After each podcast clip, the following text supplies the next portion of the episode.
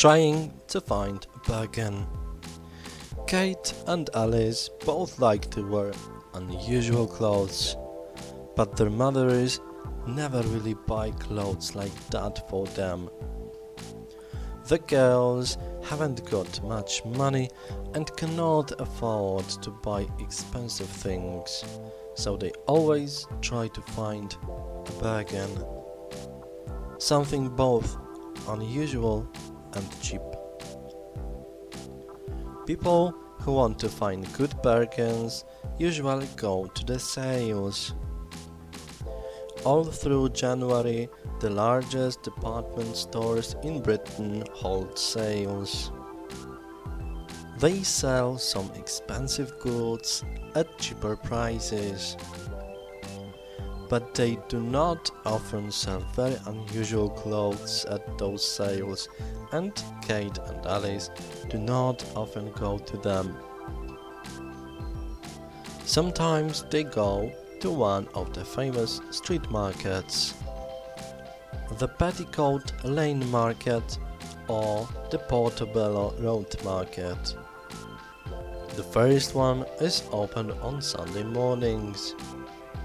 The Portobello Road Market is open Monday to Saturday, but the best day to see it and to find a bargain is Saturday. It is one of the largest street markets. The stalls stretch for a mile or so down the street and sell all kinds of goods. Some of the goods are in old prams and some are on the ground.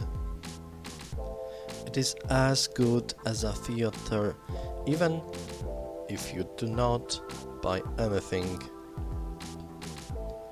The cheapest second-hand markets of all are jumble sales.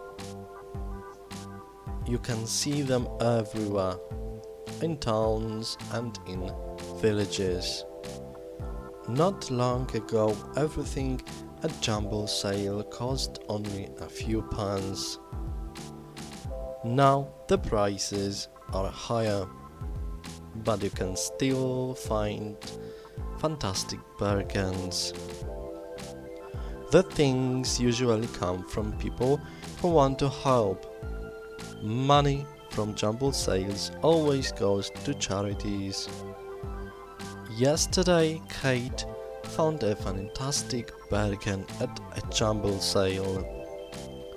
It was a black evening dress from the 20s, and she got it for two pounds. But will Miss Scott allow Kate to wear it? That is the question.